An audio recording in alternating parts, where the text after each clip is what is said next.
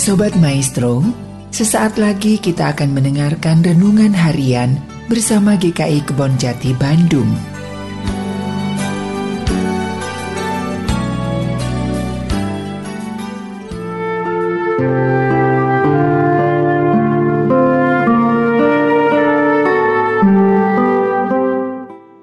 Salam sejahtera saudara-saudara, kembali lagi bersama saya Alfian Dito Yuliandiki di dalam renungan harian pada hari ini yang diambil dari kisah para rasul 4 ayat 7 sampai 12 yang berbunyi.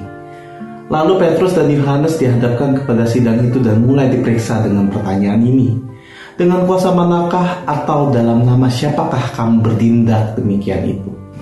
Maka jawab Petrus penuh dengan Roh Kudus, Hai pemimpin-pemimpin umat dan tua-tua, jika kami sekarang harus diperiksa karena suatu kebajikan kepada orang sakit dan harus menerangkan dengan kuasa manakah orang itu disembuhkan, maka ketahuilah oleh kamu sekalian dan oleh seluruh umat Israel bahwa dalam nama Yesus Kristus orang Nazaret yang telah kamu salibkan, tapi yang telah dibangkitkan Allah dari antara orang mati, bahwa oleh karena Yesus itulah orang ini berdiri dengan sehat sekarang di depan kamu.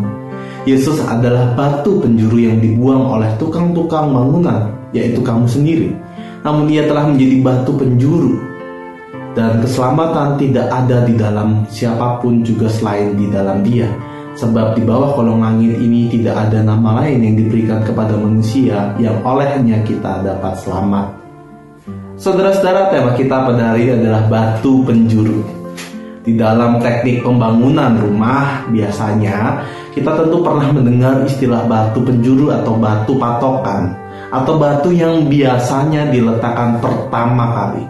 Nah, bagi Bapak Ibu, batu penjuru ini ternyata memiliki fungsi yang sangat penting di dalam bangunan sebuah bangunan. Ia akan menjadi sebuah patokan bagi batu-batu yang lain untuk dijejerkan, ditumpuk sedemikian rupa hingga akhirnya terbentuklah sebuah bangunan. Batu penjuru inilah adalah awal dari sebuah bangunan. Karena itu begitu pentingnya batu penjuru ini juga kita tidak jarang ada sebuah kegiatan-kegiatan pun acara ataupun prosesi peletakan batu pertama. Biasanya peletakan batu pertama ini diletakkan oleh sosok yang dihormati dan menjadi landasan lagi uh, di dalam struktur bangunannya. Nah, di dalam bacaan kita pada hari ini kita dapat melihat bahwa Petrus dan Yohanes menyebut Yesus sebagai batu penjuru. Konteks cerita dari batu penjuru dari perikop ini adalah ketika Petrus dan Yohanes ditangkap oleh para imam Yahudi pada saat itu dan dibawa kepada Mahkamah Agung dengan tuduhan penyesatan.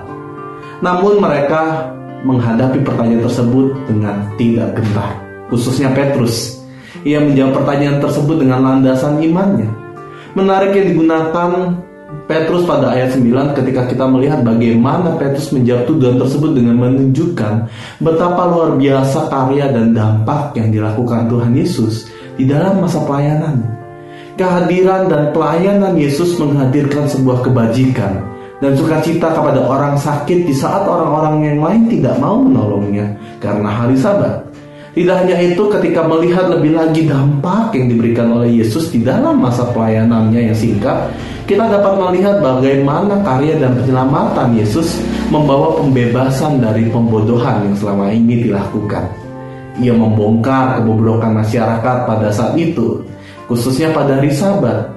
Ia membongkar bagaimana orang-orang tidak mampu mengasihi sesamanya karena alasan aturan atau alasan agama. Padahal agama mengajarkan untuk mampu menyatakan kasih kepada sesama.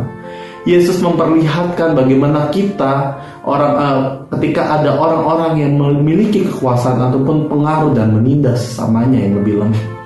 Hal-hal yang dilakukan oleh Yesus itu lebih dari cukup untuk Petrus dijadikan sebagai landasan, sebagai batu penjuru di dalam iman dan keyakinannya. Bagi Petrus, Yesus adalah sosok teladan Yesus ada alasan mengapa ia hadir pada saat itu.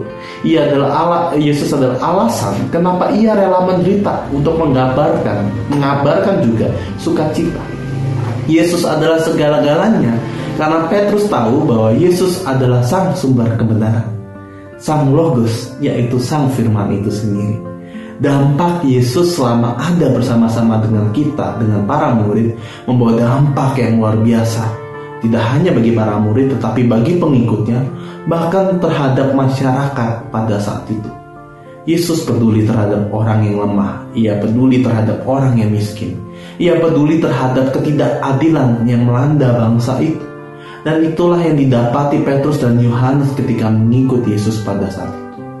Pertanyaannya adalah nilai apa yang kita dapat selama mengikuti Yesus? Mampukah kita menjadikan Yesus benar-benar sebagai batu penjuru?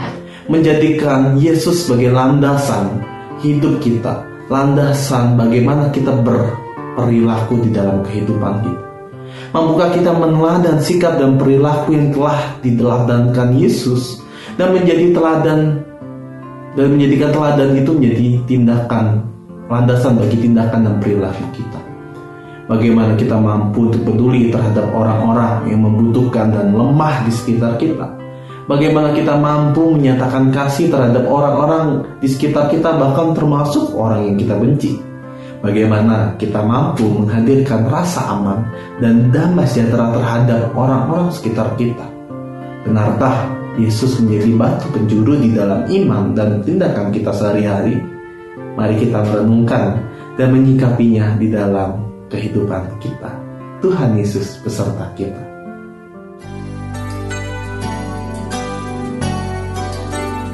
Sobat Maestro, baru saja Anda mendengarkan renungan harian bersama GKI Kebon Jati Bandung. Tuhan Yesus memberkati.